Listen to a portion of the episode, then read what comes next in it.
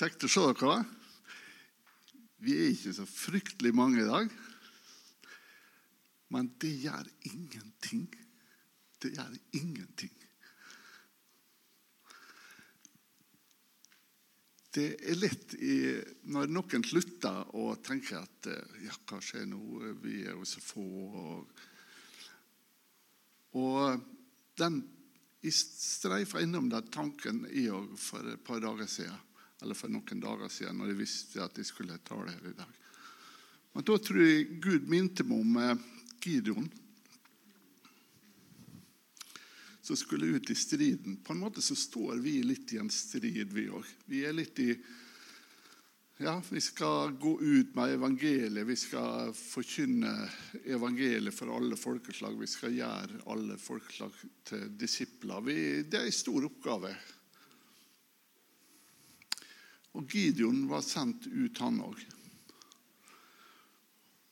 Og så hadde han med seg Han hadde med seg Skal vi se her Det var tror det var 22 000, nei, det var 32 000 mann hadde med seg. Og så sier Gud det at nei, det er dere altfor mange. Sånn. Dere er altfor mange.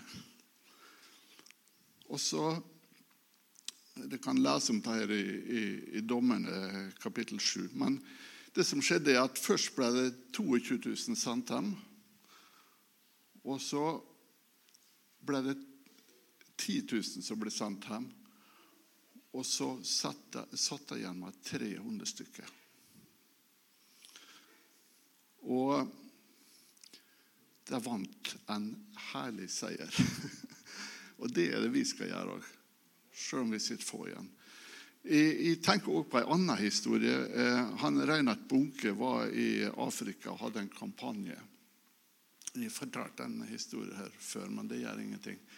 De syns den er så god. Og så, etter at møtekampanjen var over, så, og teltet var rigga ned, og han var på vei hjem, så var det blitt mørkt, og han kjørte med bilen sin gjennom et slikt grasdekt område. Plutselig så hoppa det en mann fram fra gresset framfor bilen altså vinka. Og da var det en, en gutt som, som, som, ville snakke med ham, som spurte kan ikke du be for meg, slik at jeg blir åndsdøpt. For han hadde sikkert stått i kø på møtet, og så hadde han ikke nådd fram. Så han kan ikke du be for meg så jeg blir åndsdøpt. Og han, Reinhard Bunke var jo sliten, men han tok hånda ut av vinduet og ba ei kort bønn. Kjære Gud, må du velsigne den gutten. La han bli døpt med Den hellige ånd. Og så rulla han igjen vinduet og kjørte videre. Jeg tror ikke han hadde så veldig tro på at uh, det her hadde noe effekt. Men etter noen år så møtte han igjen den samme gutten. Da var han blitt en voksen mann. Og Reinhard Bunke kjente han ikke igjen. Men så begynte han å fortelle hva som har skjedd. Jo, det hadde blitt vekkelse i landsbyen hans. Og mange har vendt seg om til Jesus. Og, og det har sett masse helbredelser i den landsbyen. Så sa Reinhard Bunke ja, men hva forkynte du, da? Sånn? Du har nå ikke gått på bibelskolen. Nei, bare sa det som du sa på møtet. Sånn. Så det var én mann. Så det er ikke antallet som teller. Det var en liten intro. Det jeg egentlig skal snakke om i dag, det som Gud la på, det som Gud la på mitt hjerte i dag, det var å snakke om Guds kjærlighet. Guds kjærlighet, det er fundamentet for alt vi tror på.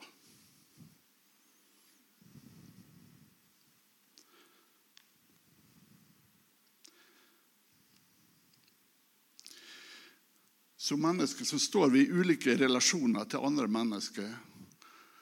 Og våre viktigste relasjoner er ofte vår familie. Vår ektefelle eller ungene våre eller foreldrene våre, kanskje. Men det er en relasjon som er viktigere enn alle andre, og det er relasjonen med Gud.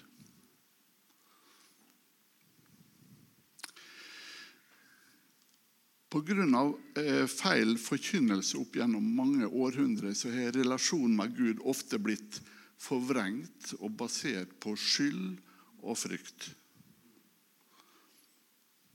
Men det samsvarer ikke med Guds ord i det hele tatt. Relasjonen med Gud er en kjærlighetsrelasjon. Gud har alltid levd i en kjærlighetsrelasjon. Og Vi tenker kanskje at Gud var ensom da han skapte verden, men det er ikke riktig. Det blir ofte framstilt sånn at Gud skapte mennesker fordi han var ensom. Men det er ikke riktig. Gud har alltid vært i en treenig relasjon bestående av Gud far, Gud Sønnen og Gud den hellige ånd. Fra evighet av. Og Det er godt dokumentert i Bibelen. Den hellige ånd er jo allerede beskrevet i 1. Mosebok 1 vers 2. Det står at ånden svevde over vannet. Jesus er ikke omtalt i, i 1. Eh, Mosebok, men i Johannes står det Johannes 1,3 så står det at alt er blitt til ved ham.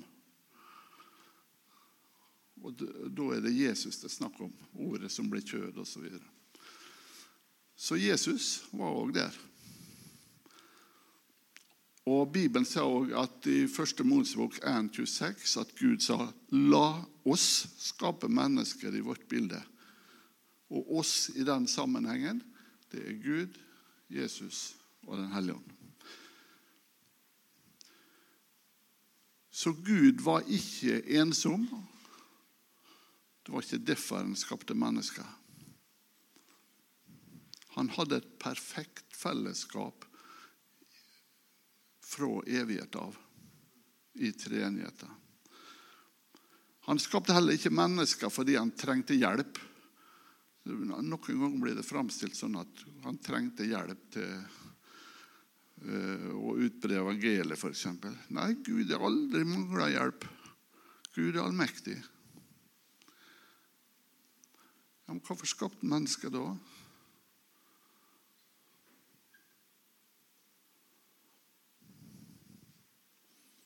Han skapte mennesket fordi han ville ha noen å dele sin uendelige, store kjærlighet med.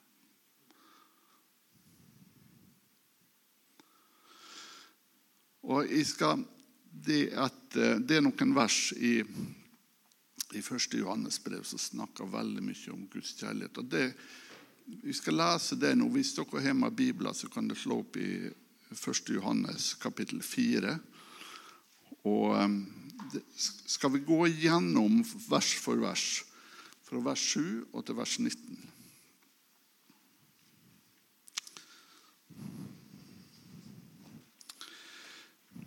I vers 7 så står det 'elskede'. La oss elske hverandre, for kjærligheten er av Gud. Og hver den som elsker, er født av Gud og kjenner Gud. Det han snakker om her, er agapekjærligheten. Altså, i, I vår tid så er jo eh, ordet 'elske' blitt eh, misbrukt, syns jeg. Folk elsker pizza og eh, elsker eh, langrenn eller sykling eller eh, De elsker ja, omtrent hva som helst. Men det, i det greske språket så er det mange ord for å elske. Det vet sikkert de fleste av dere. Men vi sier det likevel. At det, det som er snakk om her, er agapekjærligheten. Det er Guds type kjærlighet. En kjærlighet som er uten betingelser. Og det er litt spesielt. For Når vi snakker om å elske pizza, så er det fordi at pizzaen gir oss noe tilbake. Han gir oss en god smak, og vi blir matt. og Og hvis vi elsker film, så er det fordi at filmen gir oss noe tilbake. Men agapekjærligheten er ikke slik. Agapekjærligheten er en kjærlighet uten betingelser. En kjærlighet som elsker på tross av og ikke på grunn av. Og hvis vi ikke er født på ny, hvis vi ikke er kristne Født på ny ble vi jo når vi, når eh, vi tok imot Jesus og hans frelse. Hvis vi ikke er født på ny, så har vi heller ikke den agapekjærligheten og kjenner ikke den treenige Gud. Det er det det står om i vers 7 der. Men med en gang vi blir født på ny, så har vi fått Guds ånd i oss. Åndens frukt, den første som er nevnt av åndens frukt, det er jo kjærligheten. Så den, Det er agapekjærligheten. Den, den får vi når vi blir født på ny. I vers 8 står det 'Den som ikke elsker, kjenner ikke Gud', for Gud er kjærlighet. Kan ikke du ta et glass vann til meg? Jeg kjenner meg en gang at jeg blir tørr i munnen. Det er umulig å elske med agabekjærlighet hvis vi ikke kjenner Gud, Jesus og Den hellige ånd. Men Gud er agapekjærlighet tvers igjennom.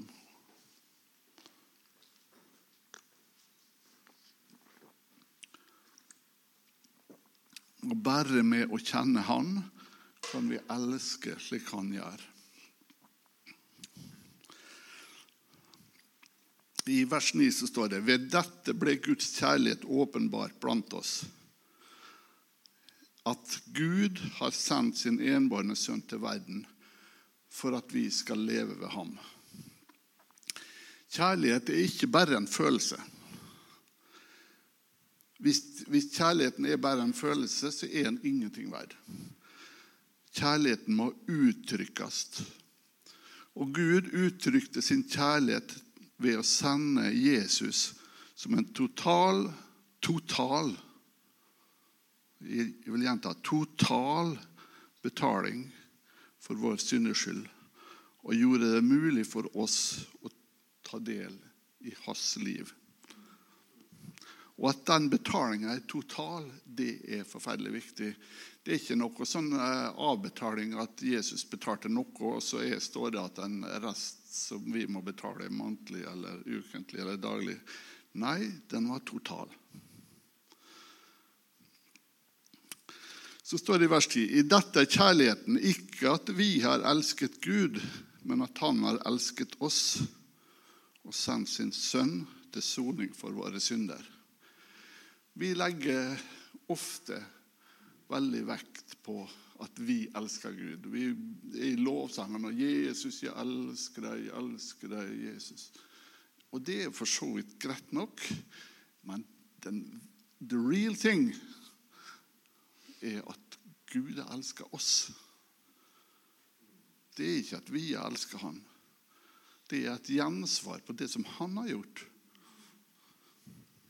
Det er hans kjærlighet til oss som er avgjørende. Sann agapekjærlighet blir tydelig demonstrert ved Guds uselviske kjærlighet til oss. Så står det i vers 11.: Elskede, hvis Gud elsket oss slik, så skylder vi å elske hverandre. Ja, jeg tenkte ikke det var et eller annet eh, eh, En hake ved det. Da skylder vi å elske hverandre. Hvis Gud elsker oss uten, uh, uten at vi fortjente det, så skulle vi òg elske andre uten at de fortjener det. Men husk, frelse er ufortjent. Så det har ingenting med frelse å gjøre. Det er ei frukt vi snakker om her. Vi elsker ikke andre for å bli frelst. Det er en frukt i livet vårt.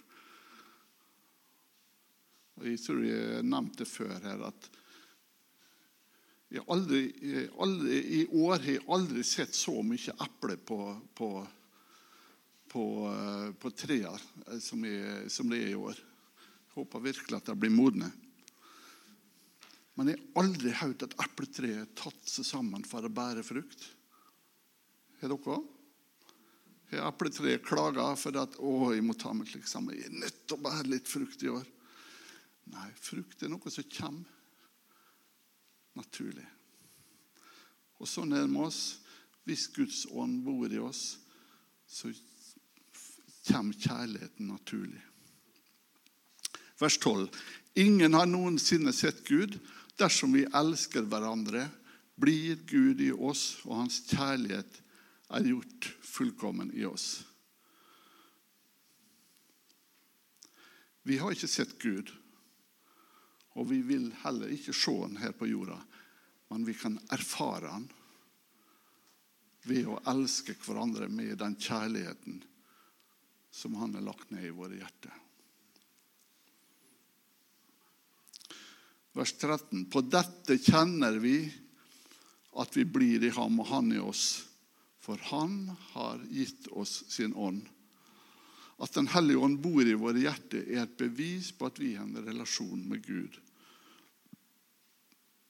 Jesus sier det at verden kan ikke motta hans ånd. Det står i Johannes 14, 17. Så det er bare vi som er tatt imot Jesus, som har hans ånd.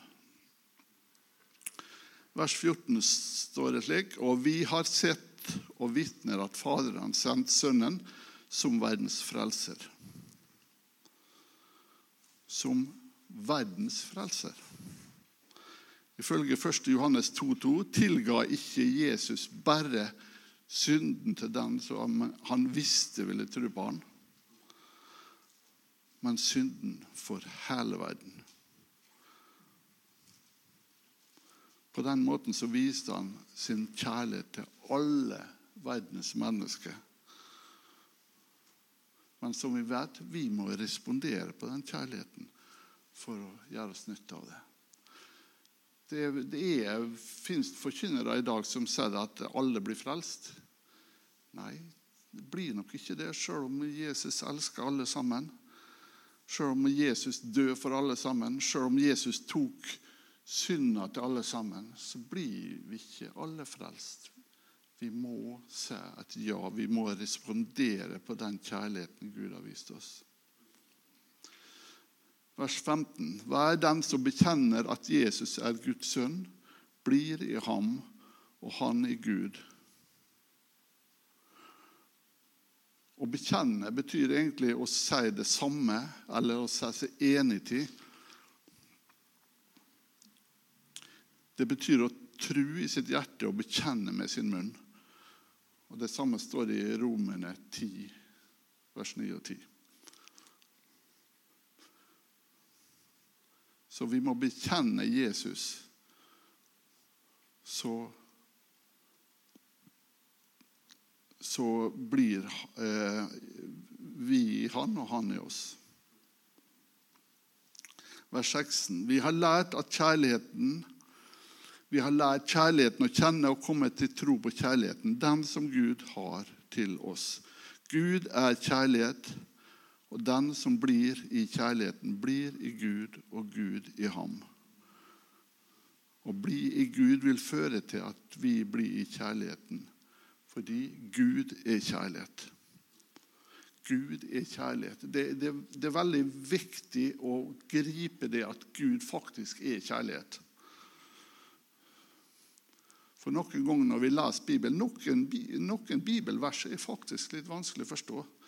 Noen bibelvers er sånn at du, du tror at Gud er sint, eller at Gud uh, ikke er kjærlighet. Men, men, vi må ta på oss den brillen og lese alt som står i Bibelen, med den brillen at Gud er kjærlighet. Det er et av de fundamentale, mest fundamentale sannhetene i Bibelen. Vers 17. Ved dette er kjærligheten gjort fullkommen blant oss at vi kan ha frimodighet på dommens dag. For som Han er, slik er vi i denne verden. Og det er et veldig viktig vers, og et veld, for noen veldig uforståelig vers, men for den som har fått en forklaring på det, så er det veldig logisk. Og det viser tydelig hva som skjer i frelsa. For når vi blir frelst, så vi, blir vi født på ny. Og det som blir født i oss, er at vi får en ny ånd i oss. Og den nye ånda er perfekt og uberørt av synd.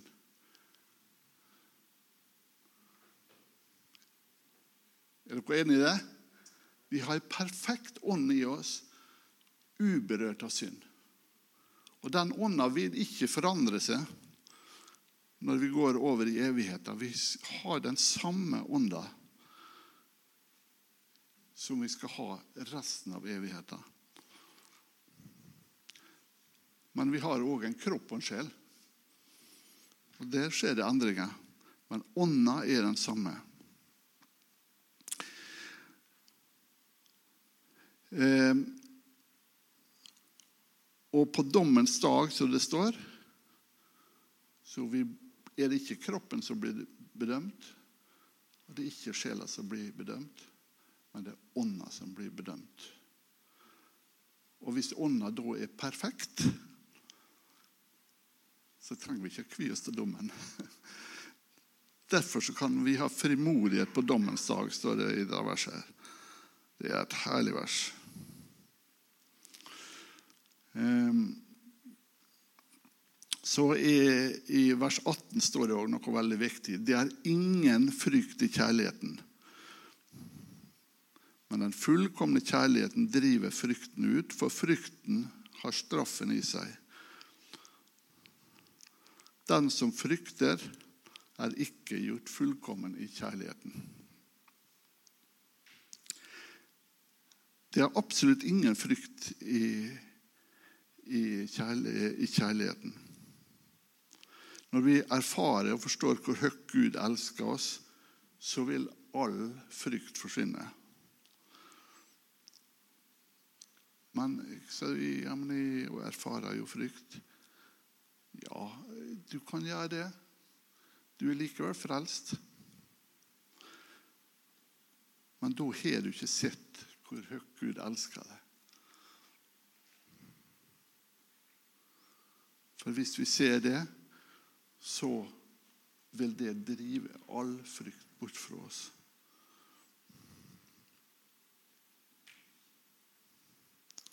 Frykten er straffen i seg, står det. Og noen eh, mennesker tjener Gud eller tror på Gud for å slippe straff. Men det vi må huske, er at Jesus har tatt alle straffa. Og da har vi ingenting å frykte. Vers 19.: Vi elsker ham fordi han har elsket oss først. Vers 10 sier at fokuset vårt må eh, eh, eh Vers 10 sier at fokuset vårt må ikke være på vår kjærlighet til Gud, men at Han elsker oss Likevel vil vi erfare at vi elsker Gud stadig mer. Ettersom vi ser mer og mer av hvor høyt Han elsker oss, blir vi satt fri for frykt og blir fylt av glede. Og kjærligheten til Han vil vokse og vokse. Og Det er innmari viktig at eh, for, vårt forhold til Gud er basert på, på kjærlighet. At vi, er, at vi, ikke er, redd for Gud, at vi ikke skammer oss i forhold til Gud. Når det gjelder Guds kjærlighet, så kan vi godt se det på den måten her. Gud elsker det, og det er ingenting du kan gjøre med det. Tok dere den? Gud elsker deg, og det er ingenting du kan gjøre med det. Du kan saksøke for det. Han vil fortsatt elske deg. Det er ikke noe du kan få eh, du kan heller ikke gjøre noe for at han skal elske deg mer. Hvis du gir av pengene dine eller gir tiende, eller, så vil han ikke elske deg mer for det. Om du er aktiv i menigheten, så vil han heller ikke elske deg mer for det. Om du, selv om du går på bibelskole, så vil han ikke elske deg mer. Helt sikker, for det er ikke råd å elske mer enn det en allerede har gjort. Det er ikke råd å elske mer enn alt det en allerede har gjort. Du kan heller ikke få noen til å elske det mindre, og det er kanskje enda viktigere. Hvis du, hvis du bryr det første, andre, tredje, og fjerde og femte budet, så elsker han det akkurat like høyt. Temaet er hvis du bryter sjette budet. Ja, det var ingen som visste hva slags bud det var. Slå opp når du kommer hjem.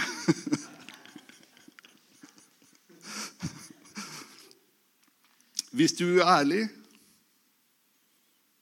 så vil han elske deg akkurat like høyt. Hvis du til og med driver hor Ja, det er kanskje Er dere sikre? Men han vil elske deg akkurat like høyt. Han vil elske deg akkurat like høyt. Det er det som er gape, agapekjærligheten.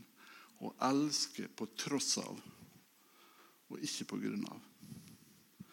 Det er den eneste måten å bli frelst på, er å ta imot Jesu forsoning, gitt til det ved Guds agapekjærlighet. Dessverre så er det mange kristne som blander den gamle og den nye pakt. De tror på Jesu frelsesverk på korset, men de tenker òg at du må, du må holde loven i tillegg. De som tror det, bør lese romerbrevet. Studere det. Studerer du romerbrevet, så slutter du å tro det. Da skjønner du at det er bare av nåde. Men opp gjennom århundrer så har det vært mye feil forkynnelse på, på det området der. Og det eksisterer dessverre veldig mye forvirring omkring det.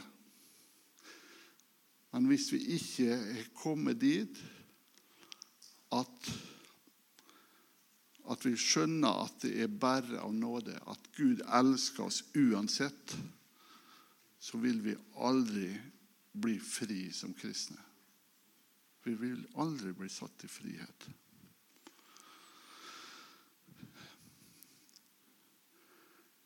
Men så vil vi, når vi leser Nytestamentet, så står det forskjellige ting der som Jesus sier.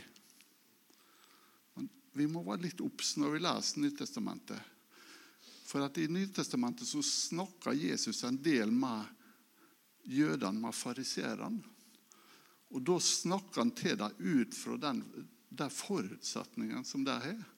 Han snakker ikke til oss som som eh, vi som er hedninger, og som er tatt imot Jesus etterpå. Han snakker til dem ut ifra den loven som de kjenner. Men loven ble e egentlig aldri gitt for at vi skulle bli rettferdig ved lova. Lova ble gitt for at vi skulle skjønne hvor hjelpeløse vi er i å frelse oss sjøl. Og når Jesus i diskusjon med fariseerne forstår det at der trodde de kunne bli rettferdig ved lova, hva gjør Jesus da? Han skjerper lova ytterligere. F.eks. i bergpreken Matteus 5, 22. Men jeg sier dere at den som blir sint på sin bror uten grunn, blir skyldig for dommen. Og den som sier til sin bror 'tomskalle', skal bli skyldig for rådet. Og den som sier 'din tufs', skal bli skyldig til helvetes ild. Det betyr at vi kommer til helvete om vi kaller broren vår en tufs. Nei, det betyr ikke det, for Jesus har tatt alt. Men vi kan ikke frelse oss sjøl med, med, å oppfylle lova. Det var det Jesus prøvde å vise. Og i 5.28 men jeg sier dere, den som ser på en kvinne med begjær, har allerede drevet tor med henne i sitt hjerte. Jesus han til lova slik at de iallfall skulle forstå at her klarer dere ikke å oppnå uansett. Uansett så er dere lovbrytere og er avhengig av nåde. Jakob 2,10 sier at hvis du holder hele lova, men snubler på ett lite punkt, så er du skyldig i å bryte hele lova. Det er omtrent som når du, eh, hvis du får en liten, bitte liten brest i frontruta på bilen din, så heller ruta ødelagt, selv om du, du ser perfekt gjennom. Det er ikke lov. Den er ødelagt. Den er per definisjon kondemnert.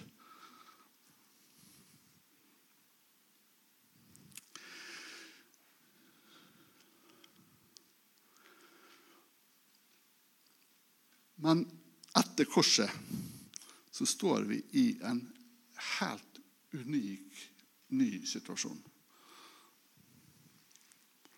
Og For den som ikke er klar over det, så er det faktisk 2000 år siden korset, Jesus døde på korset. Det var noen som ikke visste det. Nei, for Noen ganger så lever vi som at eh, det, det, det nesten ikke skjedd, eller at det skjedde i går, og jeg var ikke helt informert. Det er 2000 år siden Jesus døde for oss. Og da tok han alle våre synder. Ikke bare at han tok våre synder, men andre kor 5, 21, så står det Han som ikke kjente til synd, gjorde Gud til synd for oss, for at vi skulle bli Guds rettferdighet i ham.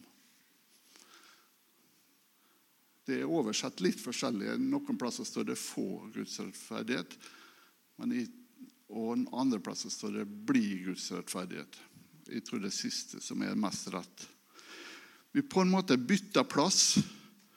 Vi var synd. Jesus ble gjort til synd.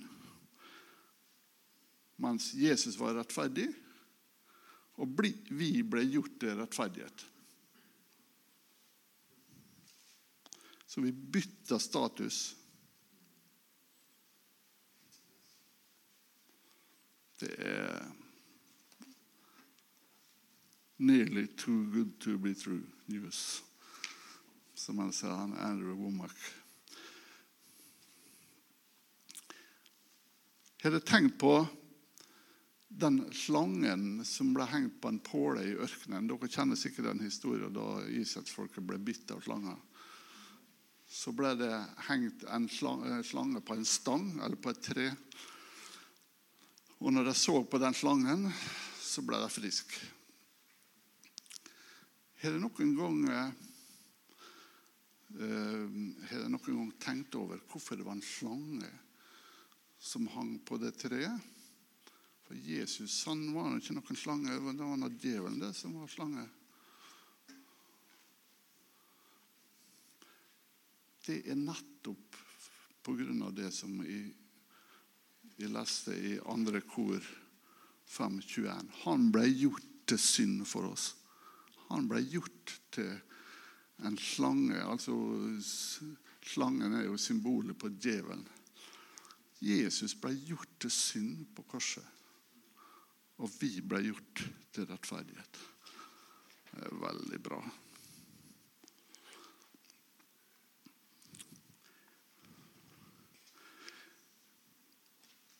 Så jeg har lyst til å ta et eksempel fra Bibelen som illustrerer at det jeg sier, er sant. For den som er Bibel, så kan du lese og slå opp i Johannes.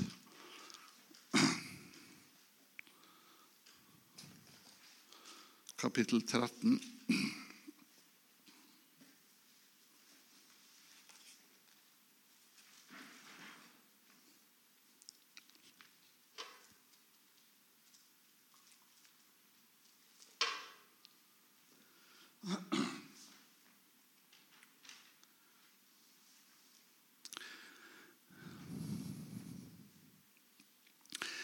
Da kan vi eh, lese fra vers 36 der. Simon Peter sier til ham, 'Herre, hvor går du?' Jesus svarte, 'Dit jeg går, kan du ikke følge meg, men du skal følge meg senere.'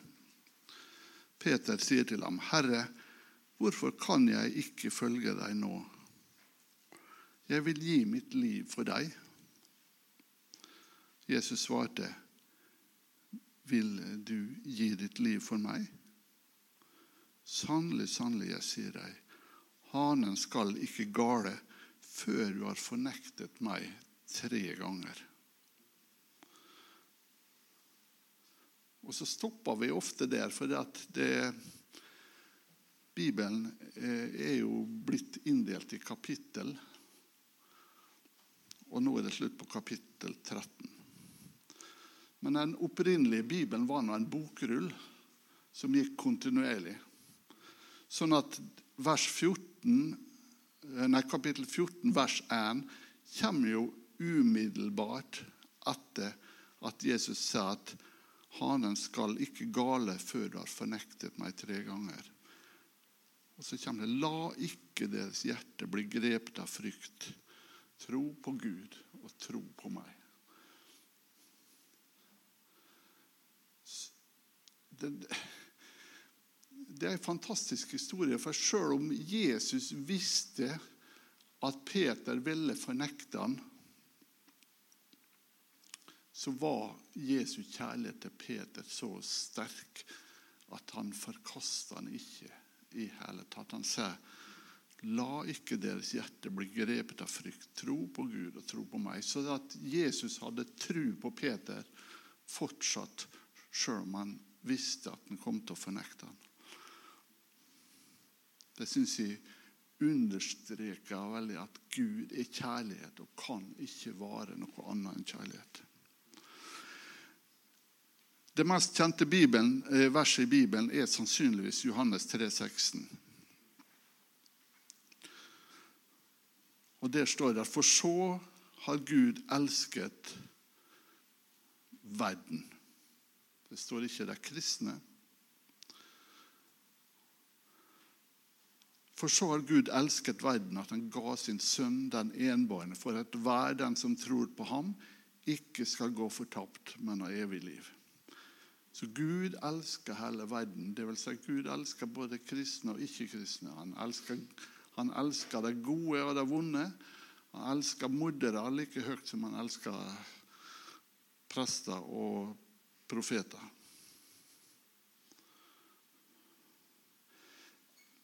Hvis det var sånn at Gud var sint på mennesker, burde det ikke da ha stått her For så sint var Gud på verden at han måtte gi sin sønn den enbårne.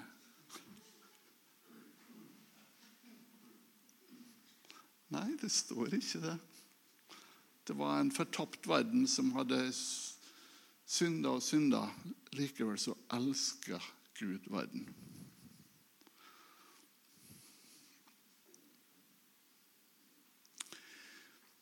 Jeg har noen flere eksempel her på hvor Jesu kjærlighet, eller eh, Guds kjærlighet da. Og det, er, det, ene er fra når Jesus ble døpt. I Markus kapittel 1, vers 9-11. Jeg skal ta og lese det, så dere slipper å slå det opp. Det skjedde i de dager at Jesus kom fra Nasaret i Galilea og ble døpt av Johannes i Jordan. Med det samme han kom opp fra vannet, så han himmelen dele seg, og ånden kom ned over han som en due. Da lød en røst fra himmelen. Du er min sønn, den elskede. I deg har jeg velbehag.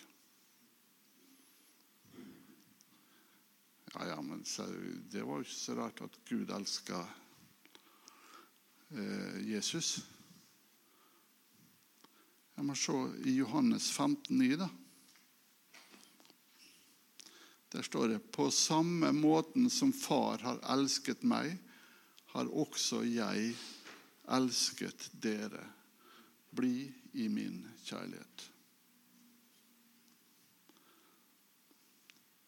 Så, så Jesus elsker oss på samme måte som Gud elsker Jesus. Derfor så kunne vi godt ha sagt Eller du kan si eller vi kan si til hver enkelt som sitter her i dag, at Jesus sier til deg 'Du er min sønn', eller 'Du er min datter'. Den elskede i deg har jeg velbehag. Det sier han til deg i dag.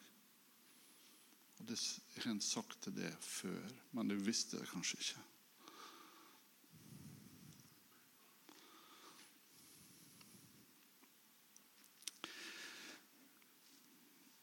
Vi skal òg lese litt fra Efeserbrevet eh, kapittel 3, og fra vers 16. Og Der står det at eh, det er Paulus som ber for Efesermenigheten. Og jeg ber om at Han vil gi dere å bli styrket med kraft ved sin ånd i det indre mennesket etter Hans herlighets store rikdom det vil si at Kristus får bo i hjertene deres i troen, i det dere er rotfestet og grunnfestet i kjærlighet.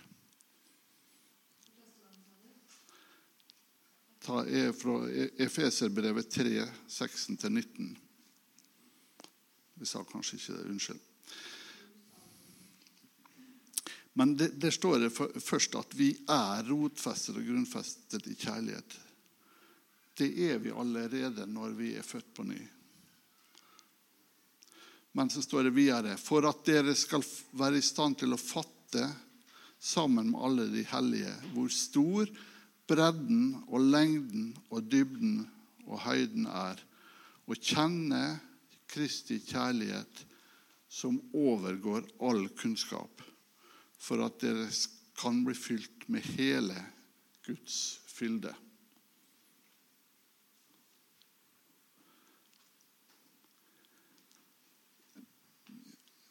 Paulus ber for efeserne at de skal få kjenne hele Kristi kjærlighet.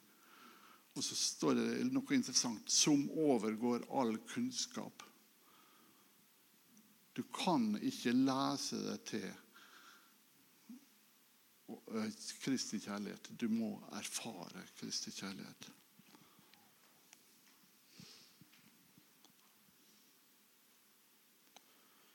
For at dere kan bli fylt til hele Guds fylde.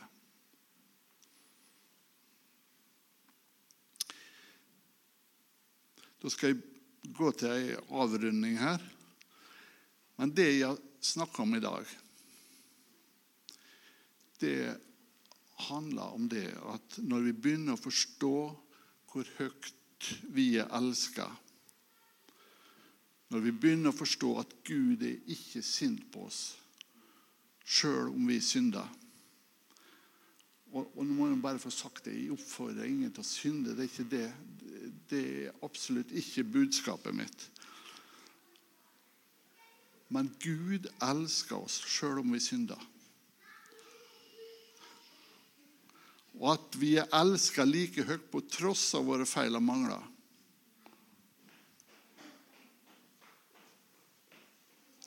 Når vi begynner å forstå det, så kommer det til å forandre oss. Det skaper tru i oss. Galaterne 5 sier at trua den er virksom i kjærlighet. Hvis vi, hvis vi, ikke skjønner at Gud elsker oss, så er det jo forferdelig vanskelig å tro. Men med en gang vi forstår at Gud har en enorm kjærlighet til oss, så skjønner vi òg at trua er virksom.